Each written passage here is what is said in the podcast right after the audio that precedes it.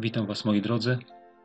Na początek chciałbym się z Wami podzielić takim krótkim, może świadectwem Bożego prowadzenia. Jest to coś, co przydarzyło mi się wczoraj. Otóż jakieś kilka dni temu włączyłem sobie YouTube'a, to w proponowanych filmach wyświetliła mi się taka miniaturka, która przedstawiała zamek do drzwi, taką zwykłą wkładkę bębenkową na klucz, normalnie taki patentowy, jak to się kiedyś tak mówiło. I przy tej wkładce był e, klucz taki nastawny.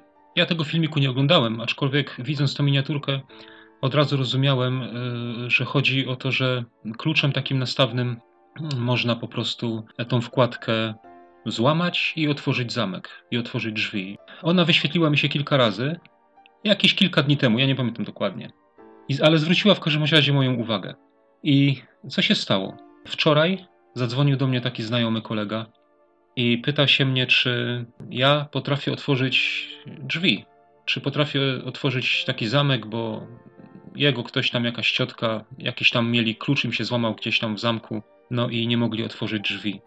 I ja mówię, że no, rozwiercałem kiedyś, tak, bo taki zamek można też rozwiercić e, wiertarką. I mówię, że rozwiercałem kiedyś taki zamek i, i otworzyłem drzwi, nie, więc byłbym w stanie to zrobić, nie. No i umówiliśmy się, e, pojechaliśmy tam, no i zacząłem od rozwiercania. Podczas tego rozwiercania złamało się chyba z siedem wierteł. I przypomniało mi się, w, znaczy, w, w którymś momencie po prostu e, miałem na myśli ten, ten klucz e, nastawny i, i złamanie tej wkładki. I może nie będę opowiadał wszystkiego tam, jak, jak to się odbywało, ale w każdym bądź razie w taki właśnie sposób te drzwi otworzyłem. Tym kluczem nastawnym łamiąc tą wkładkę. Chcę się tym podzielić z wami, bo dla mnie to jest po prostu świadectwo tego, że Pan Bóg no po prostu wie wcześniej, tak? I wcześniej, tak jakby te kilka dni wcześniej coś mi pokazał i przygotował mnie na to, co będzie później, tak? Na to, co będzie za, za, za te kilka dni. I to po prostu okazało mi się przydatne. Także myślę, że Nieraz może być tak, że przez rzeczy, które w jakiś sposób zwracają na naszą uwagę, Pan Bóg chce nas przygotować na coś, co będzie później. E, nie wiem, może macie jakieś takie też doświadczenia podobne w takim temacie, to chętnie bym e, też usłyszał czy przeczytał e, z Waszej strony, jak to wygląda. Ja osobiście często mam, doświadczam takiej Bożej pomocy, na przykład w mojej pracy.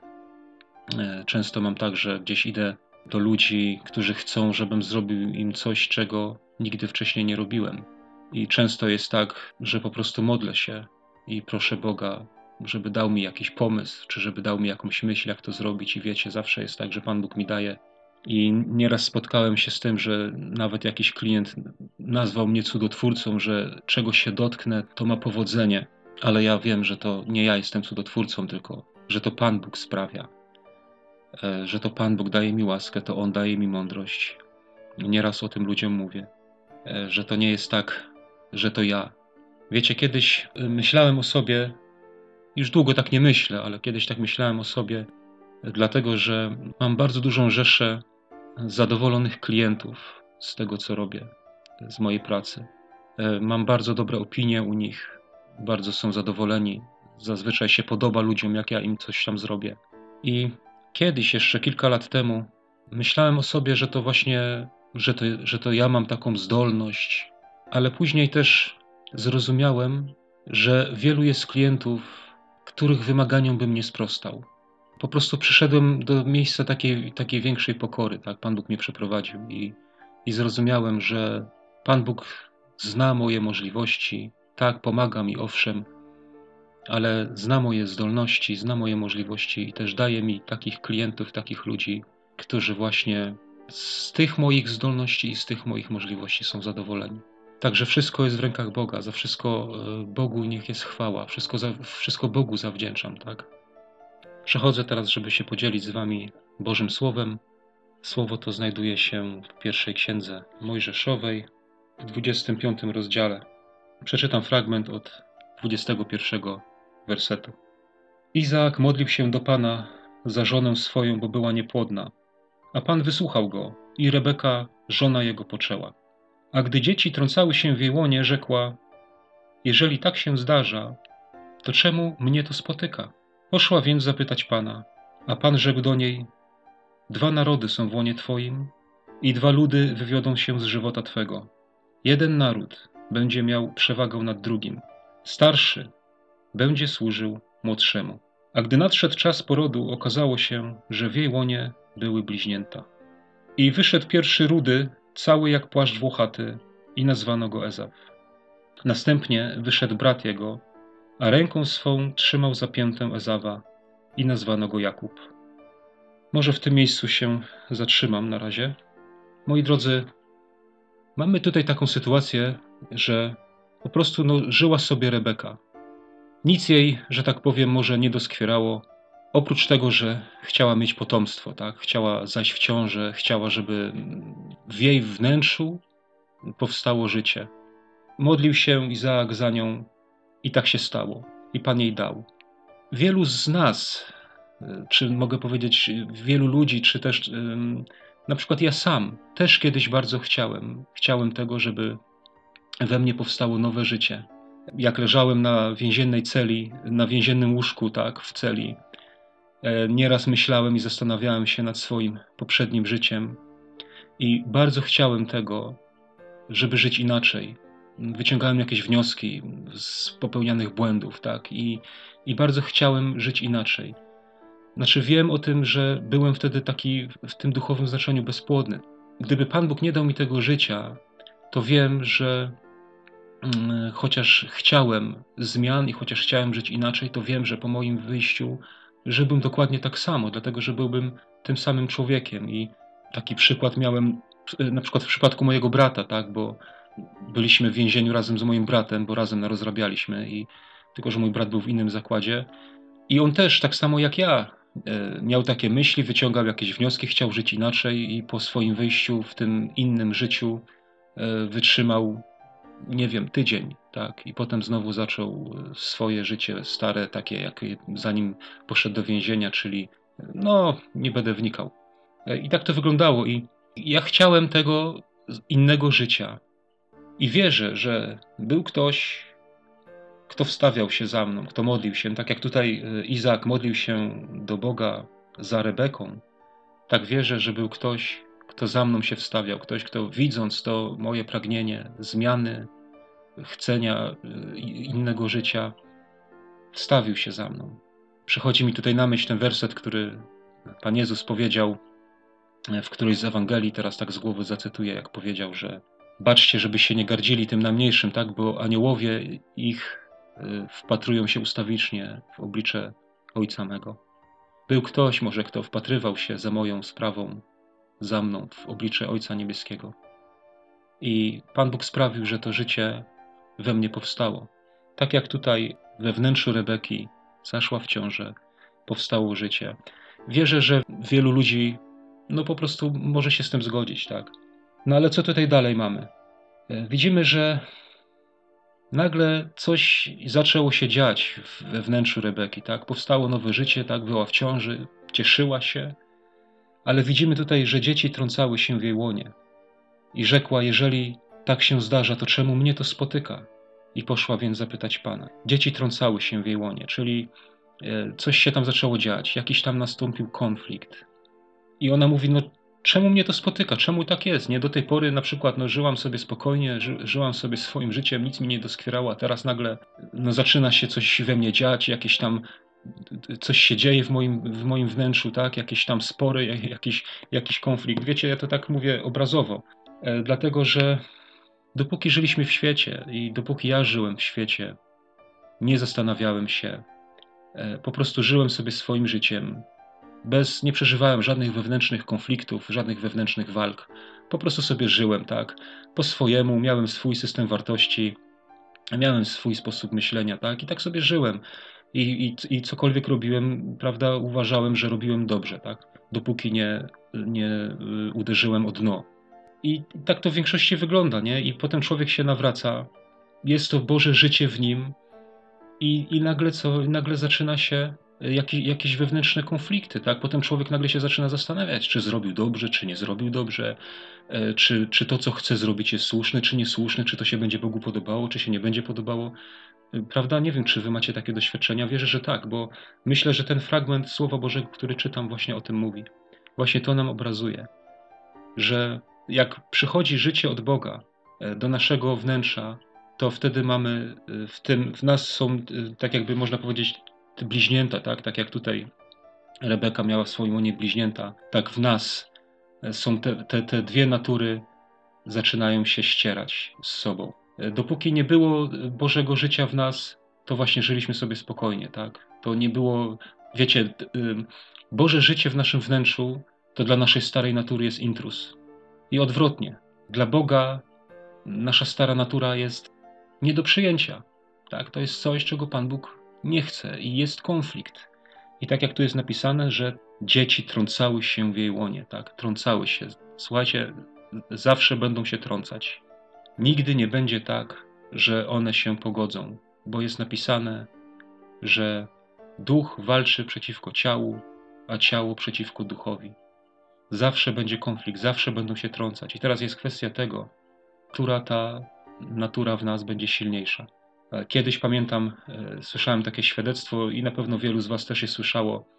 Jest ono przedstawione w różnych wersjach. Ja na przykład słyszałem w takiej wersji, że gdzieś tam nawrócił się e, jakiś Indianin w Ameryce i pastor, który, który tam, nie wiem, przyprowadził go do Pana Jezusa, po jakimś czasie go spotkał, no i się go pyta i zadaje mu takie pytanie, jak teraz po Twoim nawróceniu, jak się, jak się czujesz? I on mówi, wiesz, czuję się tak jakby dwa psy walczyły we mnie. E, nie, biały i czarny, tak? Tak jakby dwa takie psy we mnie walczyły cały czas. No i ten pastor się pyta, no i który ten pies wygrywa? I ten Indianin mu odpowiada, ten, którego lepiej karmię. E, to jest kwestia tego. Wiecie, duch walczy przeciwko ciału, to, to wiadomo, że on, to słowo ciału, to ono nie oznacza, że duch walczy przeciwko naszemu fizycznemu ciału temu zewnętrznemu, tak, temu mięso, co, to, co by tak może nazwać, tak. Nie przeciwko temu walczy duch, ale przeciwko cielesności, przeciwko starej cielesnej naturze, e, która jest związana z Bożym przeciwnikiem. I to, to słowo, które ja tutaj czytam z, z tej pierwszej księgi Mojżeszowej, ono nam to przedstawia, ono o tym mówi. Zobaczcie, e, Rebeka poszła do Pana Boga, mówiąc: Dlaczego tak się dzieje. Nie? I Pan jej odpowiedział: Dwa narody są w łonie Twoim. Dwa narody. Dwa ludy się wywiodą z żywota Twego. Jeden naród będzie miał przewagę nad drugim. Starszy będzie służył młodszemu. Naród cechuje się tym, że ma swoje granice. Naród od narodu jest oddzielony, są dla siebie zupełnie obce. Każdy naród ma swoje prawa, każdy naród ma swojego władcę, każdy naród ma swój rząd, swoje e, przepisy, tak, swoją mentalność, swój sposób myślenia. Jeden naród będzie miał przewagę nad drugim, mówi tutaj Pan. Nigdy nie będzie między nimi pokoju. Zawsze jeden będzie miał nad drugim przewagę.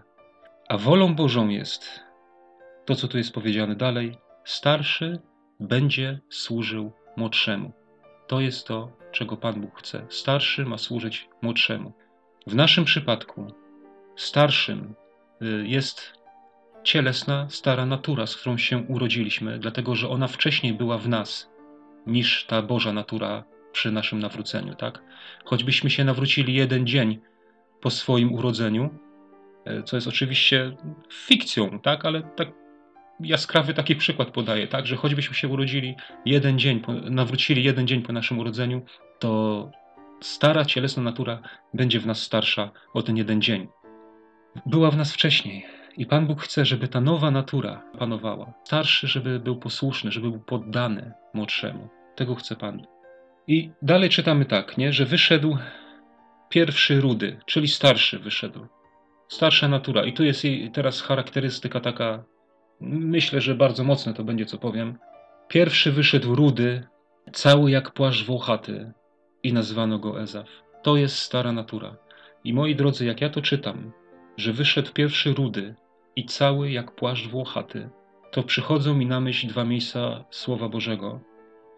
Ja sobie pozwolę je zacytować. Pierwsze miejsce to jest Objawienie 12:3, które mówi tak: I ukazał się drugi znak na niebie, oto ogromny, rudy smok, mający siedem głów i dziesięć rogów, a na jego głowach siedem diademów. Rudy smok. No, o to mi konkretnie chodziło. A drugie miejsce, Psalm 68:22 Zaiste roztrzaska Bóg głowę wrogów swoich, włochaty łeb tego, który trwa w winach swoich. Zobaczcie, co tu mamy. Rudy i włochaty. Takie skojarzenia mi tu przychodzą na myśl, jak czytam o Ezawie, jak on wyglądał. To mi pokazuje pochodzenie tej naszej cielesnej, starej natury. Jest wroga Bogu. I zobaczcie teraz, jak Pan Jezus powiedział do Piotra: Idź precz ode mnie, szatanie. Dlatego, że ta cielesna natura, która była w Piotrze, jest przeciwna Bogu i chciał Pana Jezusa odwrócić od, od Bożych zamiarów, tak? Bo, dlatego, że jest Bogu przeciwna i, i ta natura zawsze będzie chciała człowieka odwracać od Bożych planów, od Bożych zamysłów, od tego, co się Bogu podoba. I Pan Jezus powiedział do Piotra: idź precz szatanie, do tej cielesnej natury.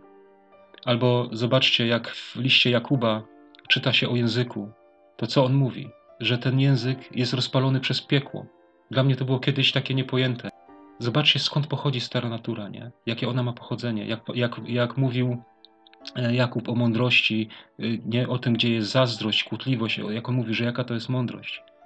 Przyziemna, demoniczna, zmysłowa. Jakie jest pochodzenie takich rzeczy? Jakie jest pochodzenie tej cielesnej natury? Nie? Z czym ona ma związek?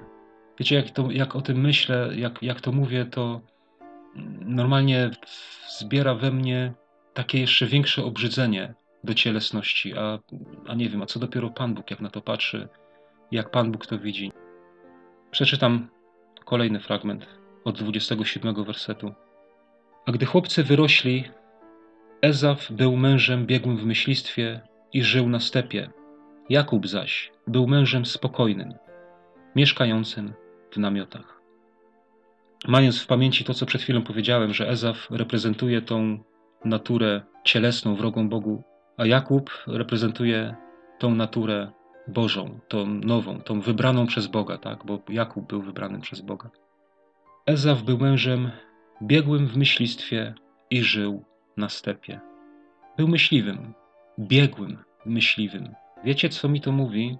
Ja tak sobie przynajmniej to, to widzę i, i, i może wyobrażam, tak? że jak ktoś jest biegły w myślistwie, to naprawdę jak widzi okazję, czy jak widzi jakąś sytuację, to dla takiego człowieka z ogromną łatwością przychodzi sięgnąć na przykład po broń, po łuk, po dzidę, po miecz, po nóż, cokolwiek, tak? Cokolwiek ma, czymkolwiek dysponuje, e, jest biegły w tym. Potrafi polować, potrafi zabijać. Przychodzi mu to z łatwością, tak? Nie, nie przeraża go na przykład nie, tam widok krwi przelanej, tak? Nie przeraża go to, widok martwego zwierzęcia, tak? On, on w tym jest biegły, to jest myśliwy, i jak widzi jakąś sytuację, to sięgnie po łuk, raz, dwa naciągnie, strzeli, jest upolowane, tak? Albo, albo złapie tam jakąś włócznię, coś tam, uderzy, ciach i jest po wszystkim, tak?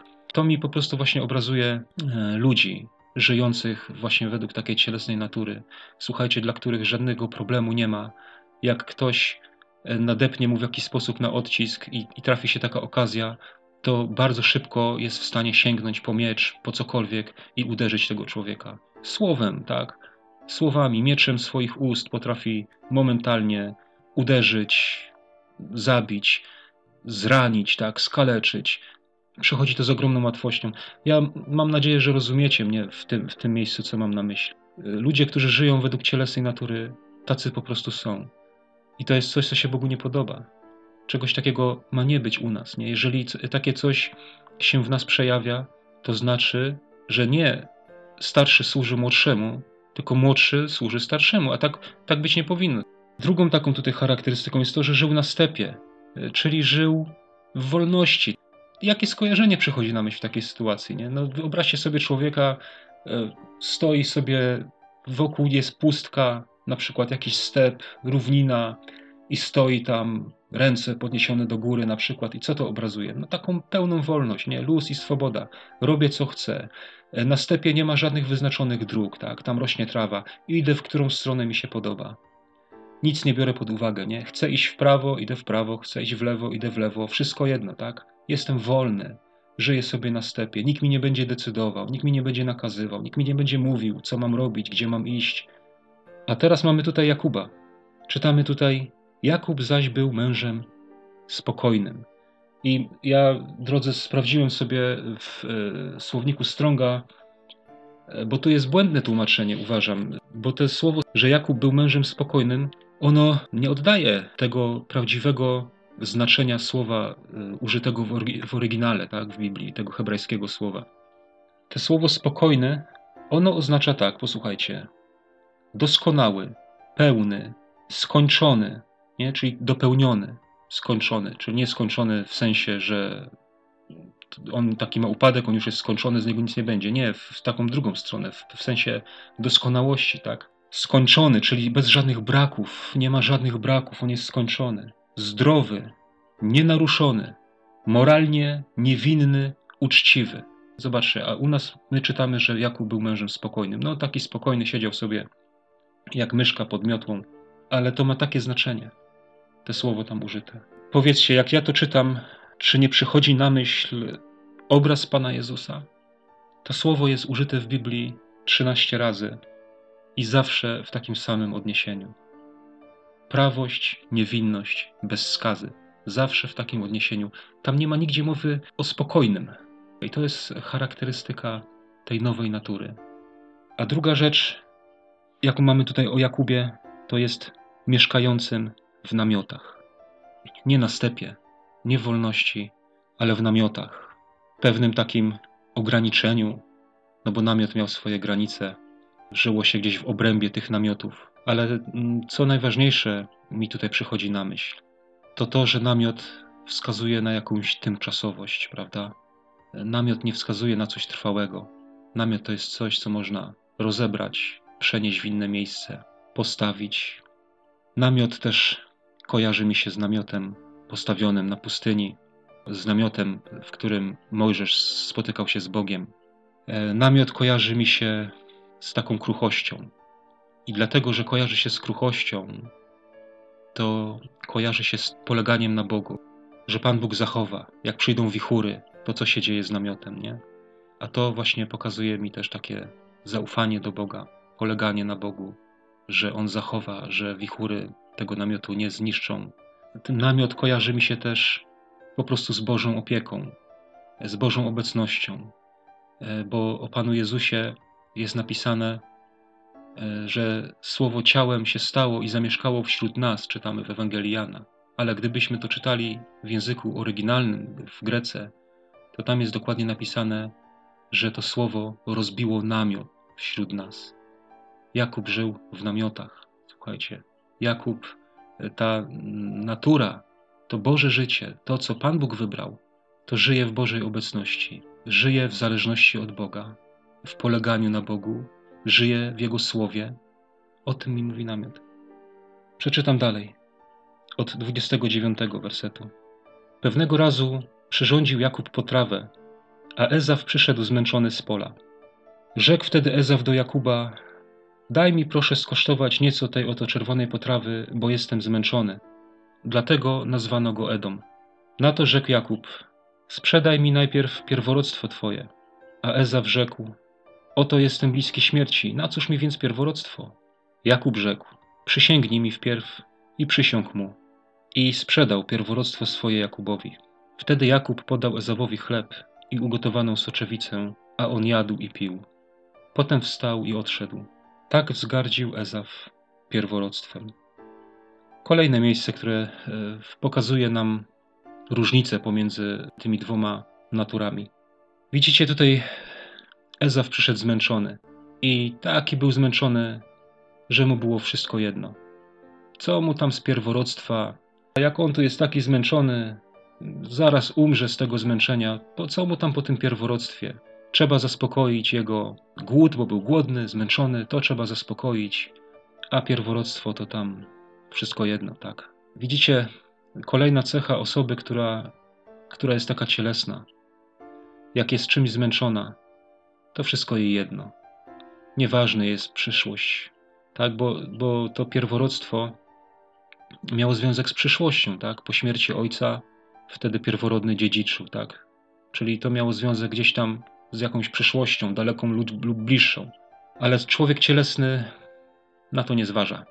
Natura cielesna nie myśli o tym. Czy może jutro się skończyć jego życie, czy za ileś tam lat, wszystko mu jedno, tak? Ważne jest tu i teraz. Teraz jestem głodny i teraz trzeba mnie nakarmić. Teraz jest jakaś sytuacja i teraz muszę ją zaspokoić w jakikolwiek sposób, co, cokolwiek to jest. Nie wiem, czy spotkaliście się z czymś takim, że jak ktoś jest czymś zmęczony, to mówi, a mi już wszystko jedno. Już jestem tym tak zmęczony, że już mi wszystko jedno. Kochani, to jest przejaw cielesnej natury. Nie możemy zmęczeniem usprawiedliwiać jakichś nam grzesznych naszych zachowań. Albo jestem zmęczony, to dlatego komuś tak powiedziałem. Albo jestem zmęczony, to zrobiłem coś przeciwko nauce, czy przeciwko Bożemu Słowu, czy coś tak, jak, jak się Panu nie podoba. To jest życie według starej natury. Nie możemy tak robić. O Jakubie się mówi, że on był oszustem, ale ja tutaj w kontekście tego, co mówię, w kontekście tych, tych natur Bożej i, i tej wrogiej Bogu, chcę pokazać, że on patrzył w przyszłość. On myślał o przyszłości, on myślał o tym, co będzie kiedyś. Myślał o przyszłości i Boża natura myśli o przyszłości, myśli o tym, co będzie kiedyś. Nie ulega teraz chwili tej. Nie, nie, nie popełni głupoty e, dlatego, że jest zmęczona, tak? ale, ale myśli o tym, co będzie kiedyś, jakie konsekwencje to przyniesie w przyszłości. E, właśnie ta Boża natura chce polegać na Bogu, nie jest samowolna, dlatego że Bóg zna przyszłość, tak? a Boży człowiek myśli o tym, co będzie. Jakie ty, panie, masz plany na przyszłość? Co ty chcesz, żeby było w przyszłości? Jak ty chcesz pokierować moim życiem? Jak ty chcesz mnie w przyszłości zaprowadzić? Tak niech wszystko będzie i tak mnie prowadź. Patrzymy w przyszłość. Człowiek Boży nie skupia się na tym, co jest teraz. Mogą być, teraz mogą być chwile trudne, mogą być chwile ciężkie, ale Boży człowiek patrzy w przód, patrzy na to, co będzie. Nie patrzy wstecz, ale patrzy w przód. To jest ten czynnik, który jakoś tak motywuje do działania. E, przychodzi mi na myśl tutaj gdzieś miejsce, jest napisane, nie wiem, chyba o Mojżeszu to jest powiedziane w liście do Hebrajczyków, że skierował swój wzrok na nagrodę, nie na to, co będzie kiedyś, na to, co będzie w przyszłości, że dzisiaj ponosił cierpienia z Bożym ludem, dzisiaj zdecydował się ponosić jakieś tam niewygody, jakieś trudności, dlatego, że patrzył w przyszłość, dlatego, że patrzył w przód, dlatego, że patrzył na to, co będzie kiedyś. Tak myśli Boży człowiek, tak myśli Boża natura. Dalej tutaj czytamy, prawda, że Ezaw zjadł, zjadł, pił, wstał i odszedł. Tak jakby nic się nie stało. I tu e, przypomina mi się werset, który gdzieś przy powieściach Salomona, że tak właśnie postępuje nierządnica. Je, obciera sobie usta i mówi, nic złego nie zrobiłam. Tak właśnie się zachowuje cielesna natura. Zrobi coś i otrze usta i już zapomniane, wszystko jest w porządku. Kochani, dlaczego tak jest? Dlaczego jest w ogóle o tym mowa? Dlatego, że Pan Bóg chce nam błogosławić. Ale kochani, błogosławieństwo jest dla Jakuba. Wszelkie dobre Boże Słowo, o którym czytamy, wszelkie dobre Boże obietnice, to wszystko, co się tyczy naszej przyszłości, o czym czytamy w Biblii, to wszystko na przykład, co, co jak czytamy Biblię, nas dotyka, mnie dotyka, o tak powiem o sobie, jak czytam i dotykają mnie jakieś wspaniałe rzeczy e, odnoszące się do przyszłości, to to jest wszystko dla Pana Jezusa we mnie. To nie jest dane starej naturze, to nie jest dla Ezawa, to jest dla Jakuba, to jest dla Bożego wybranego, dla tego, którego Pan Bóg wybrał. No a tym oczywiście jest Pan Jezus w nas. I jeżeli Pan Jezus w nas będzie żył, i jeżeli ten starszy będzie służył młodszemu, to mamy to błogosławieństwo. To to jest dla nas. Błogosławieństwo jest, kochani, tylko jedno. Jedno oznacza dla jednego. My jesteśmy przyzwyczajeni tak, że my każdemu jesteśmy w stanie powiedzieć: Niech Cię Pan błogosławi, niech Cię Pan błogosławi. Ale błogosławieństwo tutaj, w, tym, w tej sytuacji, o której ja mówię, ono jest dla jednego. Pan Bóg nie ma błogosławieństwa dla Ezawa, ale ma błogosławieństwo dla Jakuba. Kochani, to chciałem tutaj podkreślić. Żyjmy tak, żebyśmy mogli to błogosławieństwo dziedziczyć. Przeczytam błogosławieństwo, które Izaak dał Jakubowi. To jest 27 e, rozdział, 28 wiersz pierwszej Księgi Mojżeszowej. I czytamy tutaj: Niech ci Bóg da rosę niebios i żyzność ziemi oraz obfitość zboża i wina. Niechaj ci służą ludy i niechaj ci pokłon oddadzą narody. Bądź panem braci twoich, a niech ci pokłon oddają synowie matki twojej. Kto ciebie przeklinać będzie, niech będzie przeklęty, a kto tobie błogosławić będzie, niech będzie błogosławiony. Nie chcę tutaj tam może jakoś e, rozbierać tego błogosławieństwa na jakieś czynniki pierwsze, ale chodzi po prostu o, o taką pełnię Bożego błogosławieństwa. A to, co mnie tutaj też tak e, w tym błogosławieństwie głównie tylko tak zwraca moją uwagę, to jest to, że niech Ci Bóg da. Niech Bóg Ci da. Błogosławieństwo, niech Bóg Ci da. Tak? Czyli Bóg Ci daje, Bóg Ci będzie dawał to wszystko, co będziesz potrzebował. Bóg Ci będzie dawał, Bóg Cię będzie prowadził. Rosę niebios i żyzność ziemi. To właśnie takie, takie błogosławieństwo. Tak? Niech Bóg Ci da. I zobaczmy, jak już Ezaf potem przyszedł do ojca swego. Zobaczcie, co to jest napisane. Od 37 wiersza przeczytam. A Izak odpowiedział i rzekł do Ezawa: Oto ustanowiłem go panem nad tobą i dałem mu zasługi wszystkich pobratymców jego, zapewniłem mu zboże i wino. Cóż więc mogę jeszcze dla ciebie uczynić, synu mój? A Ezaf rzekł do ojca swego: Czy tylko jedno błogosławieństwo masz, ojcze? Pobłogosław także mnie, ojcze mój. I Ezaf zaczął głośno płakać. Czy tylko jedno błogosławieństwo masz, ojcze? Tak, tylko jedno. Oto jemu dałem wszystko. Cóż mogę Tobie jeszcze dać? Jakubowi należy wszystko. Do Pana Jezusa należy wszystko. Nie ma nic dla Ciebie. Nie ma. Błogosławieństwo i pełnia błogosławieństwa jest dla Pana Jezusa. A Ezaf zaczął głośno płakać. I taki, kochani, jest los tych, którzy żyją według ciała, którzy pozwalają, żeby to stara natura w nich rządziła Płacz jest końcem takich ludzi. Zobaczcie, Ezaf zaczął głośno płakać. I Izaak mówi do niego: Oto z dala od urodzajnej ziemi będzie siedziba twoja, z dala od rosy niebieskiej z góry. Z dala. Nie ma Boga w takim życiu, nie ma tam Boga, z dala od błogosławieństwa. Z miecza twego żyć będziesz. Czyli już nie ma tutaj Bóg da. Jakub otrzymał, Pan Bóg ci da. A tutaj jest napisane: z miecza twego żyć będziesz czyli z wysiłku, będziesz musiał wkładać trud. Ta, taki jest los e, takich ludzi.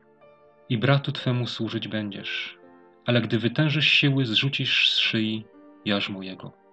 Dlatego znienawidził Ezaf Jakuba z powodu błogosławieństwa. Tu jeszcze jest napisane, że gdy wytężysz siły, zrzucisz z szyi jarzmo jego. Także widzicie, to jest też tak mi pokazuje, że ten Ezaf w nas no, będzie chciał wytężać siły, E, żeby właśnie zrzucić z szyi panowanie Pana Jezusa w nas. I kochani, to jest taka, to jest taka walka, która ona będzie trwała i, i do końca naszego życia nie możemy odpuszczać. Nie możemy karmić tego czarnego psa, żeby był silniejszy. Musimy tego pilnować. Znowu jeszcze tutaj ten, to miejsce, które powiedziane, że dlatego znienawidził Ezaf Jakuba. Czyli pokazuje, między tymi naturami jest nienawiść. Kochani, myślę, że na tym skończę. Przypomina mi się tylko taki werset z Księgi Malachiasza. Jeszcze przeczytam z pierwszego rozdziału. Od pierwszego wersetu przeczytam. Wyrocznia, słowo Pana do Izraela przez Malachiasza. Umiłowałem was, mówi Pan, a wy mówicie, w czym okazałeś nam miłość. Czy Ezaf nie był bratem Jakuba? Mówi Pan, a ja jednak umiłowałem Jakuba. Ezawa zaś znienawidziłem, i spustoszyłem jego góry i jego dziedzictwo wydałem na łup szakalom pustyni. Kochani, życzę Wam życzę sobie życia w tym, którego umiłował Pan. Życia w Jakubie, czyli w Panu Jezusie w nas. Niech według słów e, Jana Chrzciciela, który powiedział, że On musi wzrastać, a ja muszę stawać się coraz mniejszy. Ja, czyli ja, stary człowiek. A Pan Jezus w nas niech wzrasta, niech rządzi, i niech ta obecność Jego w naszym życiu przynosi nam Boże błogosławieństwo. Kochani, ja to jeszcze raz podkreślam na koniec. Wszelkie Boże błogosławieństwo nie jest dla nas, ale ono jest dla Pana Jezusa w nas. Bądźcie błogosławieni. Amen.